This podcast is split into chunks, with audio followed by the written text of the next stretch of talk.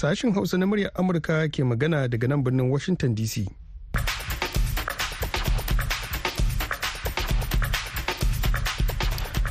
Masu haro Assalamu alaikum barkanmu da wannan lokaci yau Litinin 15 ga watan Janairun shekarar 2024. Mahmud Lalo ne tare da Ibrahim Kalmasi Garba muke muku lale marhabin a cikin shirinmu na ƙarfe 4 agogon Najeriya, Nijar kamar da Chadi ƙarfe 3 kenan agogon Ghana. Kafin ku ji rahotannin da muke tafi da su ga Ibrahim da kanan labaran duniya.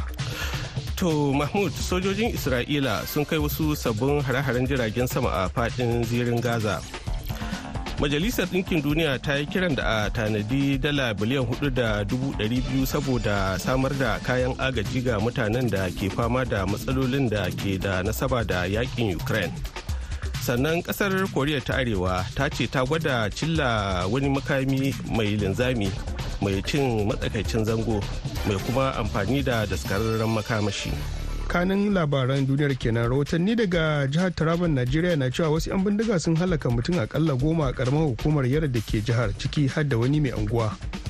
Suka zo suka dibi mata dai da yawa da maza a wannan gurin. Suka ce lallai su nuna musu gidan shi. Suka ce ba su sani ba suka yi dai ta dukan su har suka kai su inda gidan yake. Suka fito da shi suka tafi da shi. A yau ne kuma ake bikin tunawa da 'yan mazan jiya a najeriya na sojojin da suka yi wa ƙasa hidima.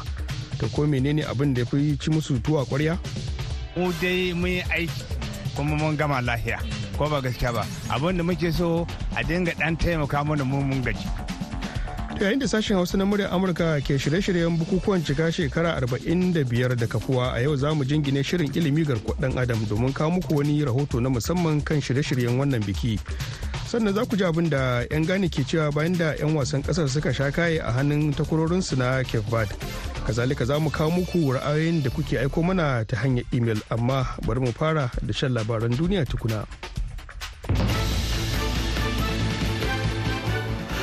To assalamu alaikum masu saurare da fatan an wanda lafiya ga labaran. Sojojin isra'ila sun kai wasu sabbin hare-haren jiragen sama a faɗin zirin gaza yayin da yau litini ma'aikatar lafiyar gaza wadda hamas ke tafi da ita ke cewa isra'ila ta hallaka mutane sama da 130 jiya. Rundunar sojin isra'ila yau litini ta ce cikin matakan sojin da ta ɗauka har da kashe mayaka biyar a arewacin gaza waɗanda a ta bakinta ke ƙoƙarin gano wurin ajiyar makamai. Baya kuma ga hare-haren jiragen sama da farmaki daga ta ƙasa da suka lalata wurin ajiye makamai a yankin han yunis da ke kudancin gaza. Ma'aikatar lafiyar gaza wadda ba ta bambanta tsakanin mayaka da farar hula wajen bayyana adadin waɗanda hari ya ritsa da su ta ce yau ɗin nan litini adadin mutanen da suka mutu sanadiyar hare-haren soji da isra'ila ke kaiwa ya kai a kalla dubu ashirin da huɗu a yayin da waɗanda suka ji raunuka kuma suka kai sama da dubu sittin. Majalisar Ɗinkin Duniya yau Litini ta yi kiran da a tanadi dala biliyan huɗu da dubu ɗari biyu saboda a samar da kayan agaji ga mutanen da ke fama da matsalolin da ke da nasaba da yaƙin da aka shafe kusan shekaru biyu ana yi a Ukraine da kuma miliyoyin 'yan gudun hijira waɗanda suka tsere daga wasu ƙasashen da ke yankin. A wata takardar haɗin gwiwa cibiyar harkokin jin kai ta majalisar ɗinkin duniya da cibiyar kula da harkokin 'yan gudun hijira ta majalisar ɗinkin duniya sun yi nuni da munanan hare-haren da rasha ta yi ta kaiwa kwanan nan daga ta sama. Suna masu cewa al'amarin na nuna yadda farar hula ke matuƙar cutuwa a wannan yaƙin yayin da suke kuma an kararwa game da mummunan yanayi na lokacin sanyin winta wanda hakan ke nuna cewa akwai buƙatar gaggauta samar da kayan agaji. Dubbin dubatan yara na cikin al'ummomin da ke wajejen fagagen daga a wannan yanki na kuma na cikin fargaba da kunci da kuma rashin abubuwan sauƙaƙa rayuwa. A cewar shugaban ɓangaren samar da kayan agaji na majalisar ɗinkin duniya martin griffiths. Kasar koriya ta arewa yau litini ta ce ta gwada cilla wani makami mai linzami mai cin matsakaicin zango mai kuma amfani da daskararren makamashi wanda kuma ke iya matuƙar gudu a ci gaba da ƙoƙarin kirkiro makamai mafiya inganci mafiya wuyar ganowa waɗanda wato aka tsara ta yadda za su iya auna muradun amurka da ke lungunan yankin. Wannan rahoton wanda kafar labarai ta gwamnatin koriya ta arewa ta yada ya zo ne kwana guda bayan da sojojin koriya ta kudu da japan suka gano cewa an kaddamar da makamin a wani wuri da ke daura da pyongyang babban birnin ƙasar. Wanda wannan shi ne gwajin farko na makami mara linzami da koriya ta arewa ta yi a shekara ta 2024 kaddamar da wannan makamin na zuwa ne a watanni biyu bayan da koriya ta arewa ta ce za ta yi nasarar wato ta yi nasarar wasu sabbin gwaje-gwaje na injuna na wani makami mara linzami mai matsakaicin zango mai kuma amfani da daskararren makamashi wanda hakan ke zuwa a daidai lokacin da take ƙoƙarin inganta makamanta don auna sansanonin amurka da ke guam da japan.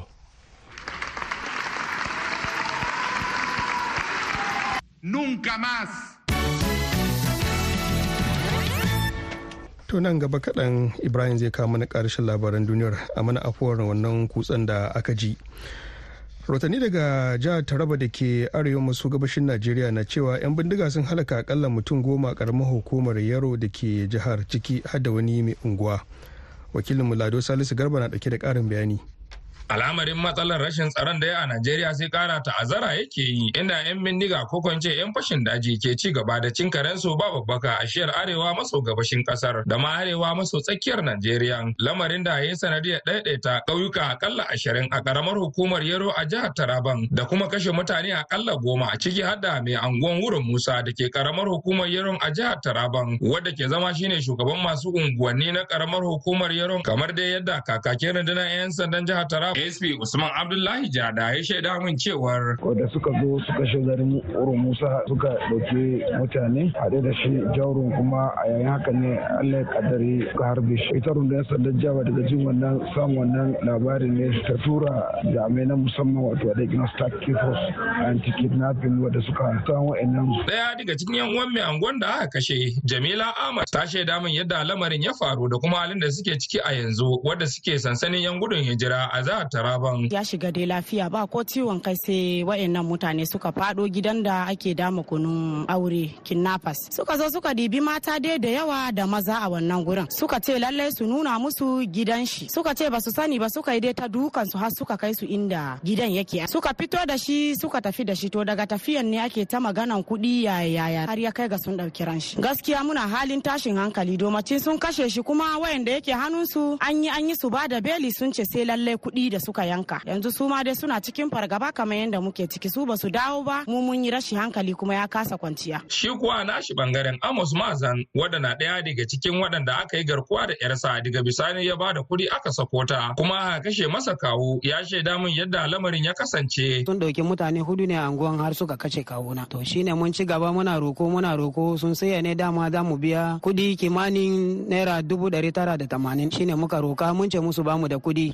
Tun da babu kuɗi ya da mu yi. Mun ce ga abin da muka riƙe a hannunmu. Sun ce za mu iya ba su. Bani da wani abu. Abin da na noma na an aje buhun dawa biyu ne da gyada shine jiya Allah ya yi na ɗauka na sayar. Mun kai musu kuɗi ne misalin ƙarfe biyar na yamma. Kawuna kuma sun riga da sun kace jiya ne aka yi jana'izan shi yanzu in ka je gongon maliki da shomfa da maza da mata ba za ka samu mutane ba. An fita. Har ma da daddare da tazaran an ciga kone-kone ma. An kona wani gida an kona amfanin shi a gida. Yarima Usman Abubakar wadda ke zama jami'i na musamman da ke kula da 'yan gudun hijira na karamar hukumar Yaron a jihar Taraban wadda ya ce. A wuri na yanzu haka mun samu rekod no less than 1000 plus na mutane har yanzu muna kan ɗauka. Wasu ma suna wani gefe za mu je mu sake ɗauka amma yanzu over 1000 mutane wadda sun bar gidajensu wasu ba san inda 'ya'yansu suke ba. Ana cikin wani hali gani ga su yanzu haka muna tare muna ƙoƙarin ɗaukar rekod. Wayannan mutane sun yi harbe-harbe a wani da anguwa an kashe shi for life. Wasu wadda aka harbe aka harbe su altace na jikinsu suna na FNC wasu kuma sun rasa rayukansu an bibbin nema yanzu haka. To Yarima baya ga waɗannan mutane da aka ɗaiɗaita ko akwai mace-mace haka misali? A taƙaice sun kai goma sha ba za mu iya bi don wani gawan sai an bi daji ake sintowa amma yanzu dai a kasa wadda aka binne su sun kai goma sha. Akalla ba ƙasar ba ƙauyuka fiye da ashirin ne suka shiga cikin halin haula'i da ke karamar hukumar nan ta yaro duk a jihar Taraban sanadiyar masu garkuwa da mutane domin neman kuɗin fansa ko kwance 'yan fashin daji lamarin da ya yi sanadiyar kashe rai akalla goma sha uku ciki har da mai anguwa Lado Salisu Garba muryar Amurka daga Jalingo a Najeriya. To a gaida Lado Salisu Garba yanzu kuma ga Ibrahim ya dawo da ƙarshen labaran duniyar. To Mahmud an rantsar da mai ra'ayin sassauci Bernardo Arevelo a matsayin shugaban Guatemala a yau ɗin nan Litini bayan da wasu 'yan majalisar dokokin ƙasar suka janyo jinkiri na tsawon sa'o'i wanda ya sa aka shiga kiraye-kiraye a faɗin duniya cewa a mutunta sakamakon zaɓen. Da an shirya bikin rantsarwar ne jiya Lahadi. To amma sai 'yan majalisar suka shiga wata mummunar takaddama kan ko su waye ya kamata su halarci bikin rantsarwar a matsayin tawagar majalisar. Da yake jawabi a wurin rantsar da shi shugaba bernardo arabelo ya ce nunca más el autoritarismo jamás. Yayin da jama'a ke sowa da murna shugaba arabelo ya ce sam ba za mu sake lamunta da kama karya ba. Sam ba za mu sake yadda a yi amfani da tashin hankali don yada wasu manufofin siyasa ko alfarmar wasu ba. Ba za mu lamunta da rashin haƙuri da rashin ya kamata ba. Ba kuma za mu sake yadda cibiyoyinmu su kama tafarkin almundahana da rashin ya kamata ba. Majalisar Ɗinkin Duniya ta yi kira ga wato a ƙara yawan kayan agaji don taimakawa ga dubban yara a yammacin Afghanistan waɗanda ke fama da yanayin lokacin sanyin winta mai matuƙar illa ga yara. Wanda ke zuwa bayan mummunar girgizar ƙasar da ta auku a watan Oktoba. Asusun Majalisar Ɗinkin Duniya na UNICEF ya yi gargaɗi yau Litini. Kwanaki 100 kenan bayan aukuwar girgizar ƙasa akai-akai a yammacin herat na lardunan da ke kewaye a wannan matalauciyar ƙasar. Gwamnatin taliban da cibiyoyin agaji sun gano a watan oktoban bara cewa wannan bala'in ya hallaka mutane sama da dubu ɗari musamman ma a koko dubu ɗaya musamman ma mata da yara. Ya kuma lalata gidaje dubu ashirin da ɗaya ta yadda ma iyalan da suka rasa abin zaman gari da dabbobinsu da kuma kayan abinci sun fi a ƙirga.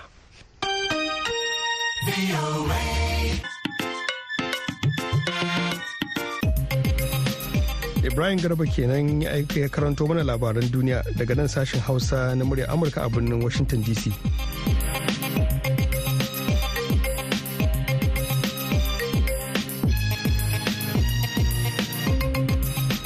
To yayin da gwamnatoci a Najeriya ke bukukuwan tunawa da 'yan mazan jiya wasu daga cikin tsofaffin sojoji da suka sadaukar da rayukansu ga ɗorewa da ci gaban ƙasar sun bayyana cewa akwai buƙatar wannan rana ta haura yin bukukuwa kawai suna masu cewa abin da suka fi buƙata yanzu shine kulawa da su duwa da cewa ƙarfinsu ya ƙare daga sokoto muhammad nasir ya duba mana wannan rahoto. Daga ɗaya zuwa goma sha biyar ga watan janairun kowace shekara gwamnatin najeriya kama daga matakin tarayya har zuwa jihohi sukan gudanar da bukukuwa na tunawa da sojojin da suka sadaukar da rayukansu wajen ganin ƙasar ta tsayu da kafafuwanta a lokutan bukukuwan akan tara kuɗi ga iyalan 'yan mazan jiya a gudanar da addu'o'i da kuma bukin girmamawa ga waɗanda suka rasu a fagen daga inda mahukunta ke tsokaci akan gudunmawar da sojojin suka bayar. To sai dai wasu daga cikin 'yan mazan jiya na ganin cewa abin da suka yi wa najeriya ya kamata a ce ana ba su kulawa fiye da bukukuwan shekara-shekara. Suna na habukar ibrahim. Mu dai mun yi aiki kuma mun gama lahiya ko ba gaskiya ba. Abin da muke so a dinga dan taimaka mana mu mun gaji. Na yi shekara uku da wata goma ban taba samun kwabo ba yaƙi kawai muke yi. Na kamar yanzu najeriya tana buƙatar irin aikin da kuka yi da. Ina ake samu? Ba a samun shi yanzu. Suna ali kwaire na ɗaya cikin wanda aka fara kai a labirin na na bat one. Yes. Mu muka buɗe ecomoc yawa ya ka kalli yadda ake kula da ku yanzu bayan kuma najeriya hidima? Ya kamata mu tsofin soja a dinga samu a abin nan wasu su activity kamar irin su irin su aikace aikace sauransu wanda ya at least wani su suna sauran karhin su to ya kamata a dinga tuna da mu ana samun irin wani aikace aikace. Su kansu mahukunta sun yi amana cewa yan mazan jiya sun bautawa Najeriya yadda ya kamata kamar yadda gwamnan Sokoto Ahmad Aliyu Sokoto ke cewa. The Nigerian military Sojojin Najeriya sun taimaka gaya wajen samar da haɗin kai da kuma zaman lafiya a cikin ƙasa.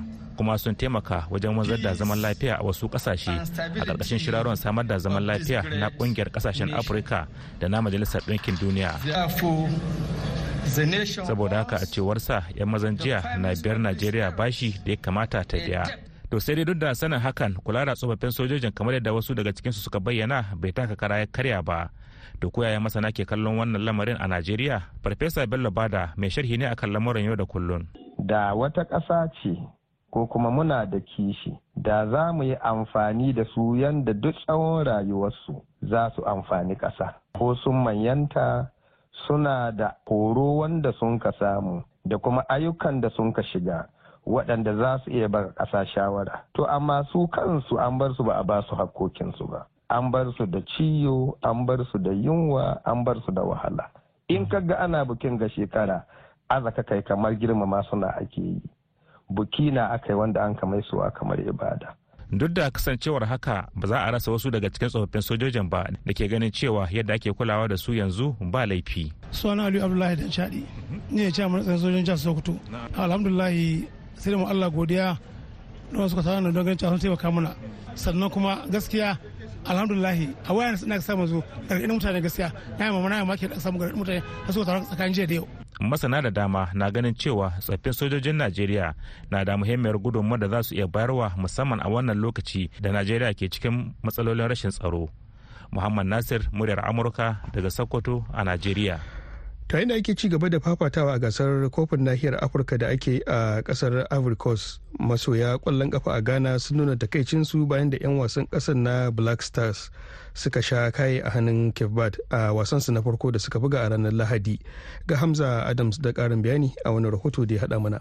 A minti na goma sha biyar ne Verde ta zura ƙwallo a ragar Ghana Black Stars ta hannun Jamiru Montero. To sai dai bayan an shafe mintuna hamsin da shida Black Stars ta farke ta hannun Alexander Juku. Duk da hakan kuwa dai Black Stars ba ta yi nasara ba. Sabida yayin da ya rage wasu ɗan mintuna a kawo ƙarshen wasan Verde ta zura ƙwallon ta na ƙarshe abin da ya kai ta ga yin nasara akan tagwagar Ghana Black Stars da ci biyu da ɗaya. Jama'ar ƙasar Ghana da dama ba su ji daɗin wannan sakamako ba inda wasu ke ganin rashin himman wasu 'yan wasan tawagar Ghana Black Stars ne ya kai ta ga faɗuwa a hannun Cape Verde. Kazalika wasu kuma na ganin alkalan wasan ne ba su taimaka ma Ghana ba. Eh Sadat Muhammad. Wallahi gaskiya bolin da gaskiya ba mu ji daɗin bolin da saboda players da kansu su taba bolin ka jikin su na wani rawa ka gani ko amma mu da wai da muka fanshi bolin nan da wai da ya changes na mun san kamar abu yayi. Kuma ga kuma kuma abin mistake yana da yawa. Yasa don Allah don Annabi next time don Allah a sake duban setting nan da kyau. Muna son Ghana muna son Ghana su ci gaba. Sai mu isaka daga da muna ni wannan kawai na ya bari bol na na confess na tashi ma na fita. Gol nan da ba su karɓi nan ba. In Allah da ina roko Allah na kuma makin da ke zuwa wallahi in Allah da muna da na samu win makin nan. Ko Muhammad Awal mai sharhi kan harkar wasanni da ya isa filin Murzalidan a Abidjan ya ce ko shakka babu kowa na cikin damuwa sakamakon rashin nasara da tawagar Ghana Black Stars ta yi. Kowa ran shi ya bata. Kuma mun da muke zama yan jarida mun je wurin mix zone mun ga kaman ko post match conference ma mutumin gana guda kawai ya zo alexander jiku kuma da ya zo faransanci kawai ya yi ya tafiyan shi. Kuma gaskiya yana gwada maka kamar rai a bace yake. Kuma yadda muka so masu ƙwallon su iya su yi muna wasa yadda muke so abin bai iya ya faru haka ba. Kuma ka duba gaskiya ababa na batawa. Domin afcon tournament biyun da aka buga na daga egypt na daga cameroon. In ka duba abin ga mun buga kwalla bakwai tamin wanga wasan da muka yi. Match guda kawai muka win. Shi yasa in ya duba maka kaman kalubalen da muke face shi ya continue yau. Yau kuma mun lose by 2 goes to 1 tawagar ghana black stars dai ta shafe shekaru 41 kenan bata lashe gasar afcon ba abin da ke ci gaba da sanya wasu 'yan ƙasar cikin halin damuwa ganin yadda tawagar ghana black stars ta yi ƙoƙarin lashe gasar har so huɗu. Taufik abdulkadir sinu jami'i ne a hukumar kullun kafa ta ƙasar ghana ya ce har in ghana na neman ta lashe gasar to ya kamata al'umman ƙasar su ringa yin haƙuri da 'yan wasan tare da masu horar da su. Yanzu ake assemble new team. Sun yi close to two years. Mu dauke shi one year yanzu muka shiga cikin 2024 za su two years kenan. Senegal 2015 suka fara projectin su. 2017 sun kai semi final 2019 sun kai final. 2021 sannan suka yi suka win afcon. Amma mu namu da an je an zo no coach bai ƙoƙari a kore shi sha kore shi. Sha kuma fara sabo. Da an je an zo no player ga kara kara kiran shi kuma sha kore shi sha fara sabo. Wannan ya sa ba mu samun consistency. Mu yi mu build team da zai yi win afcon na so ina ga ba consistency kuma mu ma ba mu da hankuri ma timin nan ne. Ghana ce ke kasa a rukunin bi ba tare da maki ko ɗaya ba. Kazalika cape verde ke saman teburin da maki uku sa'an nan ƙasar masar ke na biyu. Ka mozambique ke na uku amma su duk da maki ɗaya ɗaya. A ranar alhamis ne ake sa ran black stars za ta ke cire ni da ƙasar masar a wasanta na biyu a rukunin bi hamza adam muryar amurka daga kumasi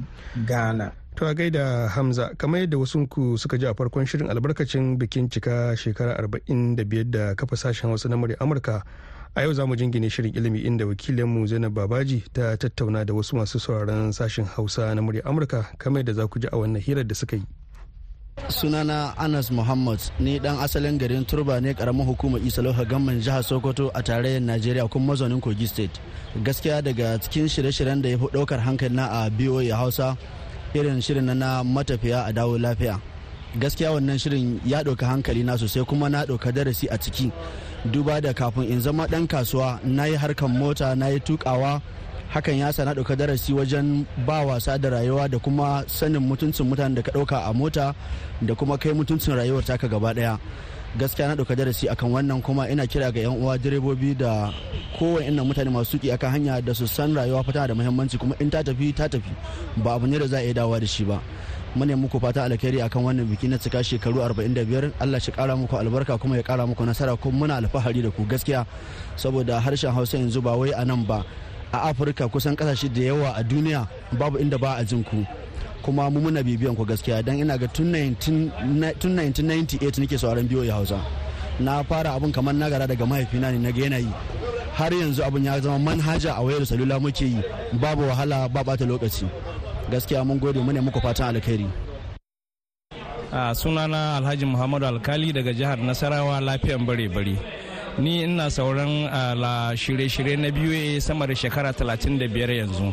Kuma bisa kan tarihi abubuwan da nake ji a biyu a voice of america yana ilimantar da ni kuma yana fahimtar da kan cewa hanya kaza lalura kaza yake faruwa gu kaza kuma wannan abun ya taimake ni sosai. Ya taimake mutane sosai kuma mutane muke tare da su duk ya taimake kowa da kowa.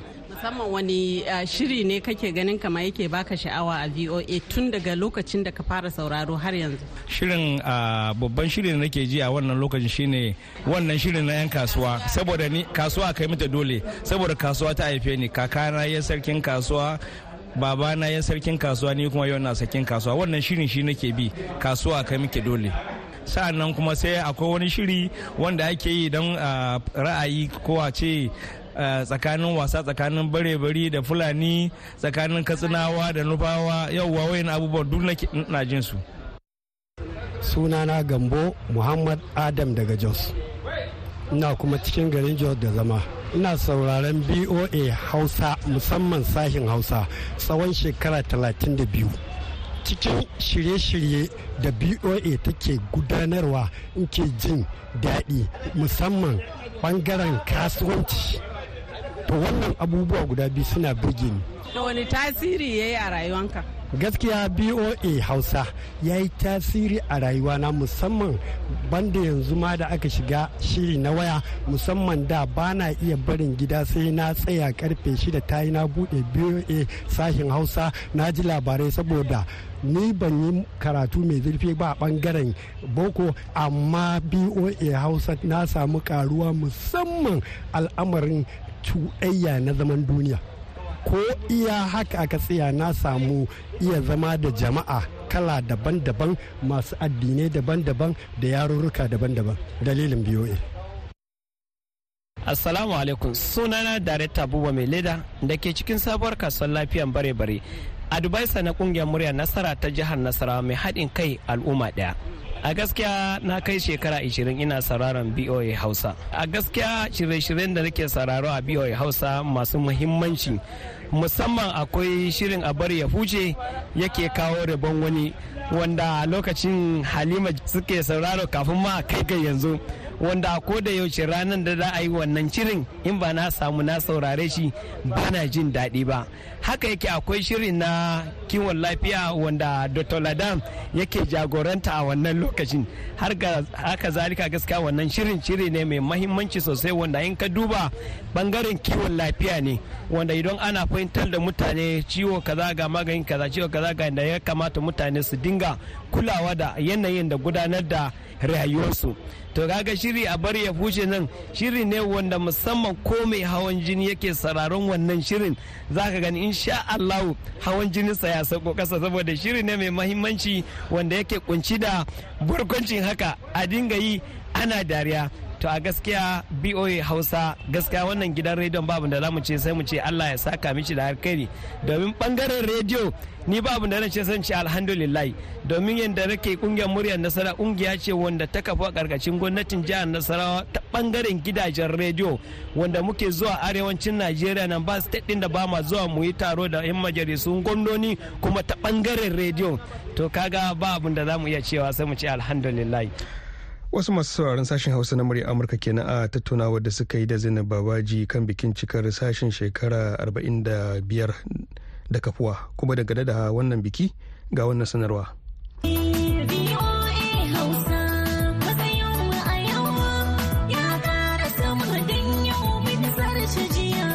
Lalle hakika shekara kwana ce. A ranar 21 ga watan Janairun shekara ta 2024 sashen Hausa na murya Amurka ke cika shekaru 45 da kafawa. Hmm, shekaru 45? Eh, shekaru 45 kenan da sashen Hausa na murya Amurka ya kwashe yana watso muku shirye-shirye daga birnin Washington DC.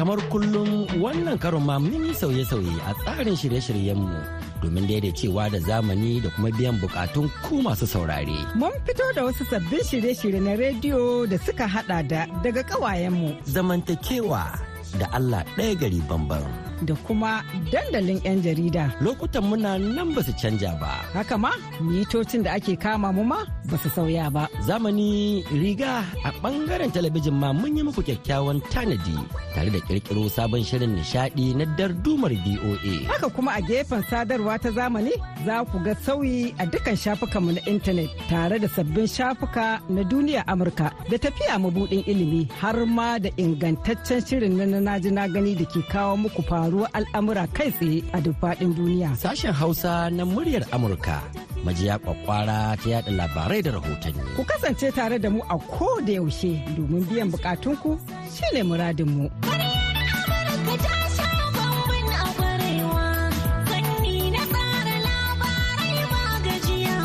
To madalla yanzu kuma sai labaran duniya a taƙaice.